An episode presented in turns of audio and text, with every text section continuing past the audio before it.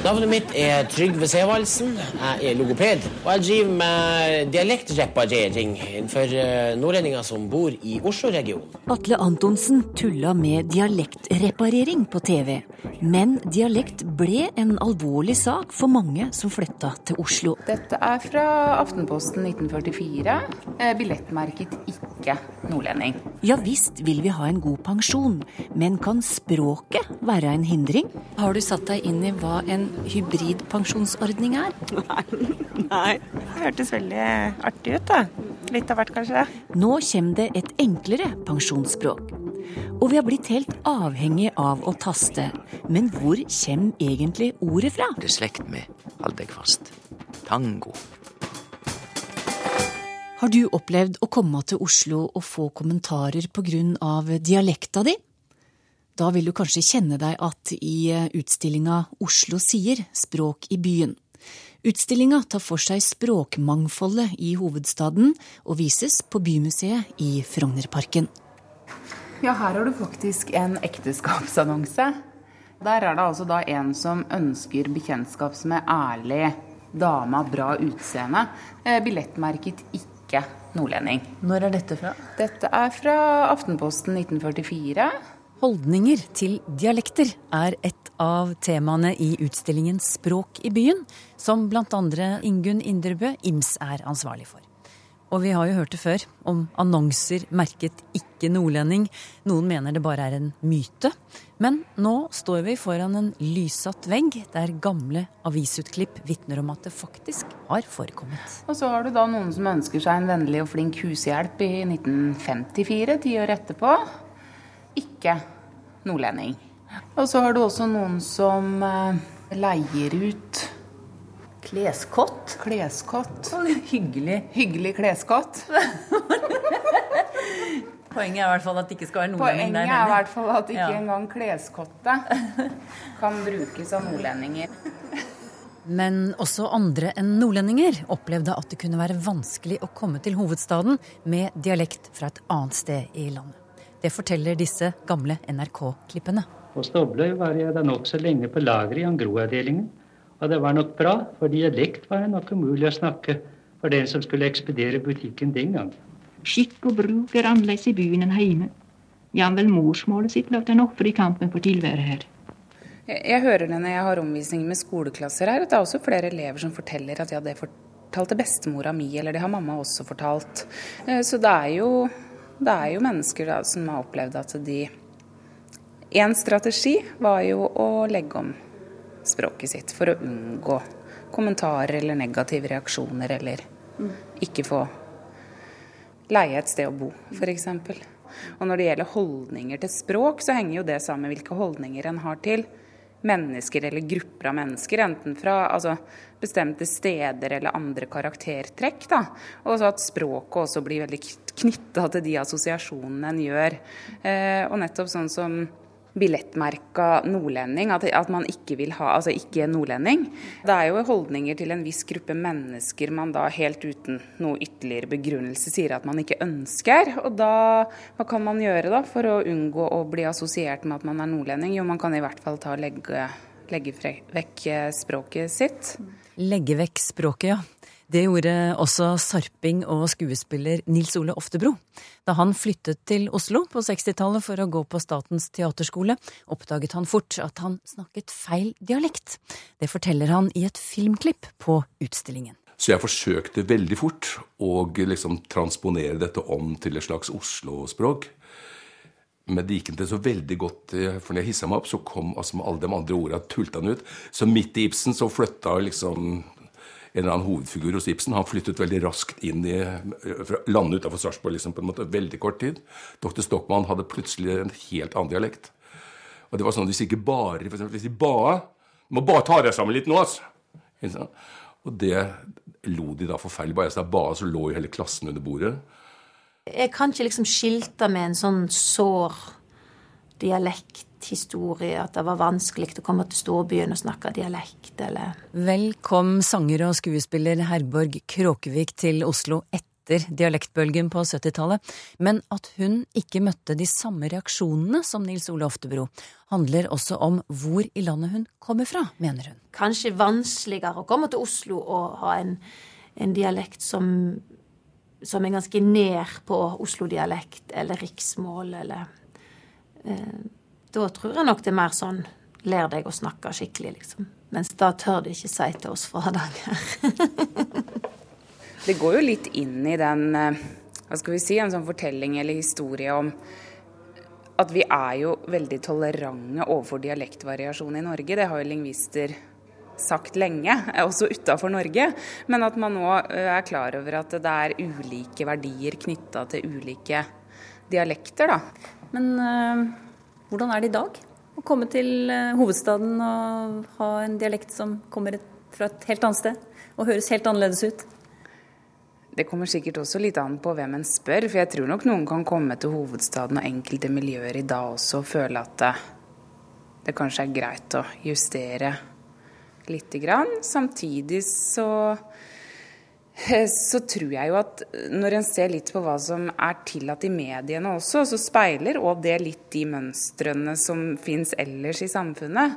Eh, og vi veit jo at eh, det er jo helt greit å stå og snakke hedmarksdialekt fra Stortingets talerstol.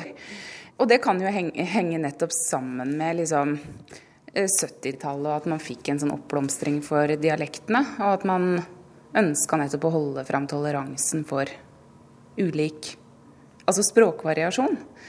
Men fremdeles kan innflyttere i Oslo oppleve at folk kommenterer dialekten deres. Ingunn Indrebø Ims bruker seg selv som eksempel. Jeg er jo fra Vestfold, eh, så, så hvis jeg Jeg kan jo få høre i enkelte sammenhenger at jeg snakker litt breit. Jeg kan si sammenhenger og biler og båter og verra og gjørra og så det har jeg fått høre. Eh, og det er klart at i noen sammenhenger da, så vil jeg, hvis jeg ikke vil ha kommentarer eller at folk skal bli veldig opptatt av språket mitt, eller dialekten min, da, eh, så er det jo Bør jeg liksom justere bitte lite grann, så vil folk tenke at liksom det er helt sånn standard østlandsk. Men det er klart at hvis jeg er hjemme hos familien min, da vil, det, jo, da vil det bli oppfatta som litt negativt. Og da vil det kanskje bli påpekt at liksom har du begynt å snakke veldig pent, ikke sant. Så akkurat det der med Det tror jeg det er mange som opplever, at de kan justere seg litt når de kommer til Oslo, og så endrer de litt når de kommer tilbake igjen. Det sa Ingunn Indrebø Ims, ei av dem som har lagd utstillinga Oslo sier språk i byen.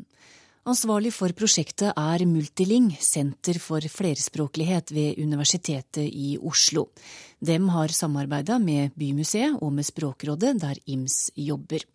Utstillinga vises fram til sommeren 2017, og reporter her var Ann Jones. Er du litt slik som meg? Ja da, jeg vil gjerne ha en god pensjon, men jeg finner aldri motet til å sette meg helt inn i hva det handler om. Og så blir det ikke noe lettere når jeg møter ord som hybridpensjonsordning, levealderjustering eller avkastningsrisiko. Jeg tok en tur ut på gata og traff folk som heller ikke skjønte så veldig mye av pensjonsspråket. Hvis jeg sier hybridpensjonsordning, hva tenker du da? Nei, det var et vanskelig spørsmål. Kanskje at du kan velge hvor eh, mange år du vil bruke for å ta ut pensjonen din, kanskje. Vet du hva en fripolise er? da? Nei. Levealdersjustering, kanskje? da? Nei, jeg vet ikke det heller. Er du opptatt av å få en god pensjon? Ja. Mm. Da har du satt deg inn i hva en hybridpensjonsordning er, eller? Nei. Nei. Har ikke det? Nei, jeg har ikke det. Hørtes veldig artig ut, da. Ja. Litt av hvert, kanskje. Jeg sitter altså med et ark med eh, pensjonsuttrykk, mm -hmm. som jeg tenker det kan være lurt å sette seg inn i for å få en god pensjon. Levealderjustering. Kan man justere det sjøl, tenker du, eller er det andre som gjør det? Avkastningsrisikoen er du opptatt av? Jeg har ikke tenkt veldig mye over det, altså. Har ikke det. Det er ikke noe enkelt å sette seg inn i det, det er det ikke.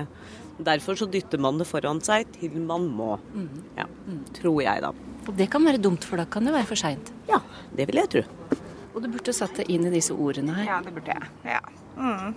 Kan det være en trøst hvis jeg da sier at Finans Norge har funnet ut at dette er for vanskelig, så nå skal de lage en ny ord, har lagd en ny ordbok for pensjon? Ja, men det hørtes fint ut. Får alle det i gave? Er det noe vi får i posten? Kanskje? Ja, det var reaksjoner fra folk jeg møtte på gata. Og om ikke ei hel ordbok, så har det ikke i alle fall gjort ei ordliste, kommunikasjonssjef Tonje Vestby i Finans Norge. Men den kommer vel neppe i posten til alle sammen? Det hadde jo vært fint å få den i posten til jul, men nei, den skal ligge på nett. Eh, nettopp fordi at det er viktig at den oppdateres eh, framover. For det vil jo være stadig nye ord som det kan være behov for å få gode forklaringer og definisjoner og synonymer på. Så det er eh, ikke en statisk ordliste vi kan sende til, eh, til folk, selv om det hadde vært fint. Men dere har altså tatt denne jobben med å ha et prosjekt på å forenkle pensjonsspråket. Og vi hører jo kanskje litt i innslaget her at det kan være nødvendig, men hvorfor kom dere til den konklusjonen sjøl? Vi er jo en bransjeorganisasjon eh, hvor alle livsforsikringsselskapene er medlem hos oss. Eh, og de er jo i tett kontakt med sine kunder. De får telefoner til kundesentrene, de får henvendelser som sier at dette forstår vi lite av. Hva betyr dette for meg og de valgene jeg skal gjøre om min framtidige pensjon? Og det er jo viktige valg. Eh, vi skal alle på et eller annet tidspunkt pensjoneres dersom vi er i arbeidslivet, og vi må ta stilling til om det er behov for å spare selv, i tillegg til det vi får i pensjon fra eh, trygden og fra egen arbeidsgiver. Og da bør vi forstå eh, hva vi velger. Det, det, er, det er viktige valg. Det er utgangspunktet for at vi nå har laget en språkstandard, altså en norm, og en ordliste på nett. Åse Vetås, direktør i Språkrådet, du er òg med oss. og du har, Dere har vært samarbeidspartnere på dette. her, og Hvor viktig er denne jobben, syns du? Dette er en eh, veldig viktig jobb eh, fordi at det eh, bedrer kommunikasjonen med folk, det styrker forbrukervernet. Og så er det, som Tonje her sier, noe som gjelder veldig mange. Så vi ser på initiativet som Finans Norge har tatt som veldig bra. Og eh, det har vært en, en, fornøyelse å jobbe sammen med dem om dette, fordi at de rett og slett sjøl har innsett at eh, det gode språket er det en trenger for å kunne kommunisere med kundene på en presis og tydelig måte. Så hvis du skulle kaste terning her, da? Ja, det ville, det, det ville helt klart bli eh, terningkast seks i innstilling og holdning til hvordan dette må gjøres. Så hvordan er denne ordlista nå, da? Den er jo artig, den altså. Det er rundt 100 ord. Et ett er f.eks. Det er min favoritt, da. Dødelighetsarv. Eh, og da står det en forklaring under på hva det ordet er. Og det er da restbeløpet etter medlemmer som er døde, som fordeles på gjenlevende medlemmer i samme type pensjonsordning. Og så står det en merknad. Det gjelder pensjonsordninger der restbeløpet ikke arves av etterlatte ved dødsfall. Men er det bare forklaringer, eller er det noen nye ord? I enkelte denne nei-ordlisten som vi etter hvert også skal få lage, så vil det være erstatninger. Eh, og da er jo et eksempel premie. Vi, I bransjen så bruker vi forsikringspremie. I de aller flestes liksom, forståelse av det ordet, så vil det dreie seg om noe du får hvis du har prestert noe. Ja. Eh? Har du gått et skirenn og vunnet, så får du en premie. Jeg har aldri fått premie, men jeg har hørt om det. ikke sant? Eh, og da kan vi jo kalle det det det egentlig er. Det er prisen på forsikringen. Det er ikke en premie. Og det er sånne type ord som innad i bransjen er fullt forståelig, for vi har alltid brukt de, men som eksternt virker fremmedgjørende og lite forståelig. Og da kan vi like godt bytte det ut. Så det kommer noen sånne ord også, ja. Det er et annet ord som kan være litt vanskelig, og det er Finans Norge. Hvem er det? det er altså bransjeorganisasjonen til bankene og forsikringsselskapene i Norge. Vi representerer deres felles interesser vis-à-vis -vis myndigheter og andre media osv. Så, videre. Eh, så eh, vi er en hovedorganisasjon, en arbeidsgiverorganisasjon for bankene og forsikringsselskapene i Norge. Så da er det bankene og forsikringsselskapet som nå er forplikta til å bruke denne nye ordlista og de nye orda. Ja, og særlig de da som jobber med pensjon. Eh, og så håper vi jo at hvis dette blir en suksess, så vil vi benytte den samme metodikken inn i skadeforsikring og i bank også. Foreløpig så er det pensjon vi har tatt tak i. Er det et foregangsprosjekt? Bør flere næringer tenke slik som Finans Norge har gjort her? Ja, absolutt. Og det er jo det vi i Språkrådet håper at vi òg skal kunne få vist fram. At eh, dette både er bra for kundene og det er bra for virksomhetene. Vi har jo lang erfaring med å jobbe med klart og godt språk i staten. Og der har eh, Kommunal- og moderniseringsdepartementet eh, beregna at eh, staten taper 300 millioner kroner i året på å ikke kommunisere klart og tydelig med borgerne. Og vi tror at det samme, det samme skjer ute i private sektor. Så her er det helt klart at det vil lønne seg for mange virksomheter å tenke mer på språket de bruker når de kommuniserer med forbrukerne.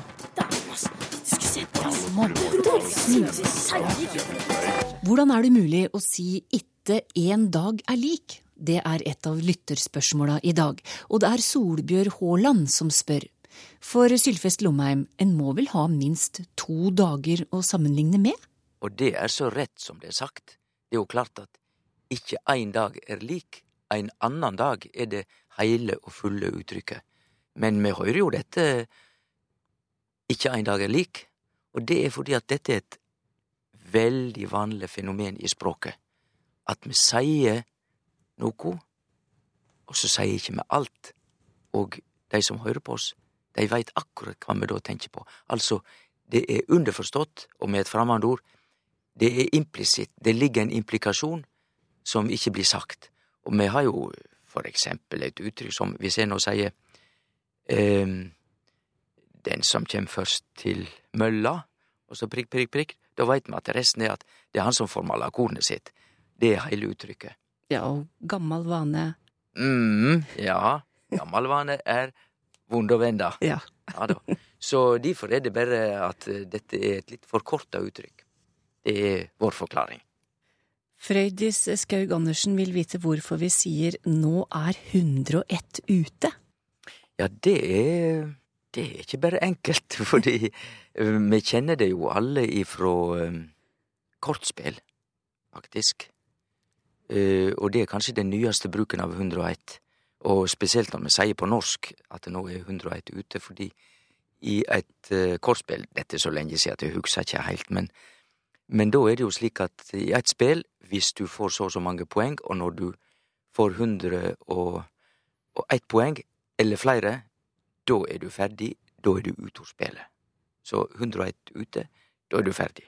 Men jeg har jo sett at uh, dette med 101 som tall og bruk, bruksmåten av 101, den er nok mye eldre enn kortspillet. Uh, det viser seg at uh, langt tilbake i tid så var det en viss tradisjon for, den er urgammal, at de store, runde tala ofte det vart brukt også med eit eittal etter seg. Så 101 var jeg Eg veit at dette er gammalt, så til dømes hvis ein bonde som flyttet til byen, hvis han skulle reknast som skikkelig borgar, så var grensa 101 dag. Altså, etter 101 dager i byen, så kunne bonden seie at da var han bymann. Så dette er et eh, dette er nok et eldre uttrykk enn eh, kortspillet, men når vi bruker det i norsk, så er det nok eh, nokså direkte knytt til, til kortspillet. Så da er det ikke tilfeldig at det er 101 dalmatinere, for eksempel? Nei, der har du det. Nettopp. Det er det ikke. Hmm. Svein Berge spør hvordan har ordet makeløs oppstått, for han merker seg at det ligner på det tyske makellås, men mener at det ordet har et annet opphav. Ja, og det har det, så han har helt rett i det, Svein Berge. Makeløs på norsk, eller makelaus, er jo uh, uten make, og da forstår alle hva det betyr. Det er så bra at det finst ikke make til dette, altså, det stikker seg heilt ut, det er toppen. Derimot, det tyske ordet makel, det betyr jo en mangel eller en feil og dermed så blir jo det uttrykket heilt annerledes. Makel, lås, på tysk betyr utan manglar, utan feil, men Det er jo ikke langt unna det norske, men altså, sjølve ordet er noe annet. I en roman med handling fra forrige århundreskifte så finner jeg uttrykket 'å gjøre svenske av seg'. Hvor stammer dette uttrykket fra, undrer Jon Nergård. Ja, det stammer iallfall ifra norsk, og ifra den norske vanen å snakke ned naboer. Hm. Dette er rett og slett et Dette er såkalla, ja, Epla kaller det universell nedsnakking. For vi finner det over heile verda at land eller bygder eller nabolag har en tendens til å snakke ned dei som bor nærast. Enten det er i bygda eller frå by mot ei nærliggjande bygd, eller eit land i høve til et naboland. Det er slik over heile verda. Og difor eh, veit vi jo alle at vi nordmenn vi har en tendens til å snakke ned svenskene, Og det å gjøre svenske av seg, det betyr å være feig og stikke av gårde. Og jeg, jeg kjenner jo ganske godt til fransk, og i Frankrike snakker de om å filer à l'anglaise, og det betyr stikke av gårde på engelsk maner. Det er heller ikke bra. Så dette har vi over hele verden, slike nabonedsettjande ordbruk. Finnes det en kort forklaring på ordet skjemmes, spør Ann-Kristin Moan Antonsen, og hva kan en si i stedet for? Ja, å skjemmes eh, tyder jo å, å kjenne skam. Du kjenner skamma i deg. Uh, og det er klart du kan bruke andre ord for det. Du kan kjenne at du har dumma deg ut, at du angrer, at du uh, vil stikke vekk fordi dette var så ille. Du setter deg i en krok. Vi har jo òg å sitte i skammekroken. Ordet skam er gammelnorsk. Jeg er ikke sikker på om Jeg har liksom ikke fått det helt uh, tydelig opp i mine gammelnorske bøker. Adjektivet skamr på gammelnorsk tyder jo kort, altså det motsatte av lang. Det kan jo være at vi føler oss ganske stutte hvis vi, hvis vi kjenner skam, men jeg ser at eh, ei anna etymologisk ordbok, det tyder ei ordbok som prøver å forklare ords opphav, der står det at skam kan komme fra et urgammelt ord, til og med på indoeuropeisk, som tyder å dekke seg til og skjule seg, og det passer jo veldig godt, ikke sant, Torunn? For, Mm. for eh, kjenner du skam, så har du lyst til å dekke det til og forsvinne. Så det er det jeg kan si om, om det ordet. Kanskje han kan gjøre svenske av seg? ja, det kan du si. Hva er opprinnelsen til ordet å taste, eller en tast?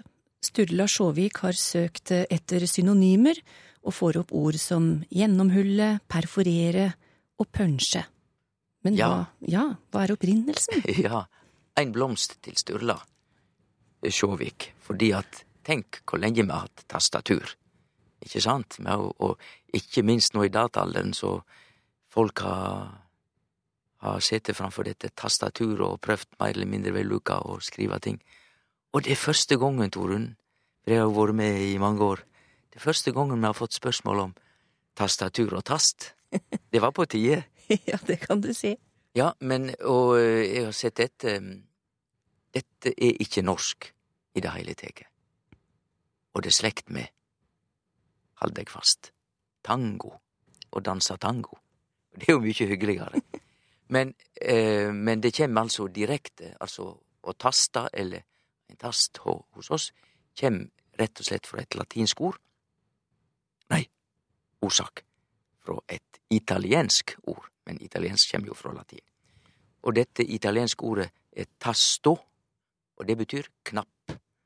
Og dermed så er det jo heilt tydelig og lett å forstå. Et tastatur er et sett med knapper, og en tast er altså en knapp vi trykker på. Men så er det jo dette ordet tasto på italiensk. Det er i slekt med et annet ord vi kjenner, tangent, og det kjem rett fra latin, et latinsk verb, tangere, som betyr å berøre. Så ein tangent er det vi berører, og det italienske ordet knapp, altså tasto, kjem også fra dette gamle latinske verbet, for en knapp er jo det med berøre. Og så til slutt, tango, det betyr eg berører. Og det betyr eg berører partneren min, for så tett skal du danse tango. Jeg åt tilslørte bondepiker her om dagen, men ingen kunne si hvor navnet kommer fra. Jeg har heller ikke funnet noen god forklaring på internett. Så fins det en god forklaring, spør Erlend Motje.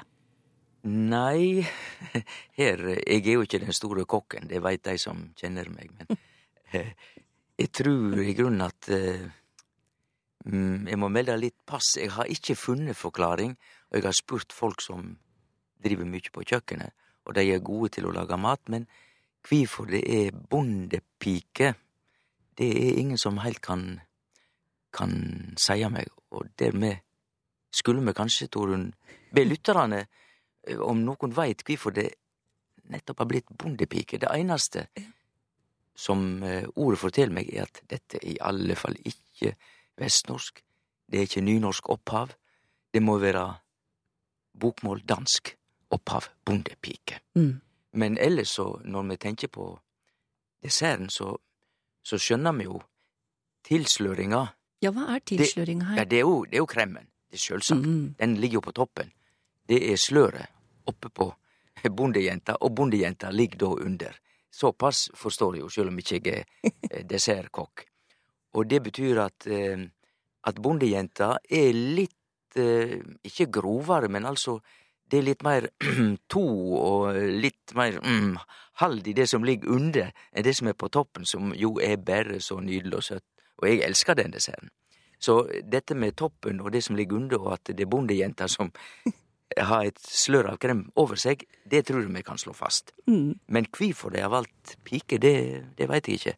Nå er det jo kavring og smuler, og så veit jeg det gode eplebiter. Så kan jeg si iallfall at eh, litt personlig. Da jeg fylte 50 år, så skrev jo menyen sjøl det var gladlaks til forrett, og desserten det var tilslørd bondegut. Og det skulle jo passe rimelig bra på meg. Men, men altså, hvorfor vi har dette uttrykket? Hm, nei, det må Vi må spørre lytterne, Torunn. Ja, det gjør vi. Vet du hvor tilslørte bondepiker kommer fra, så skriv det til oss. Teigen krøllalfa nrk.no. Eller hvis du har spørsmål og tips om språk.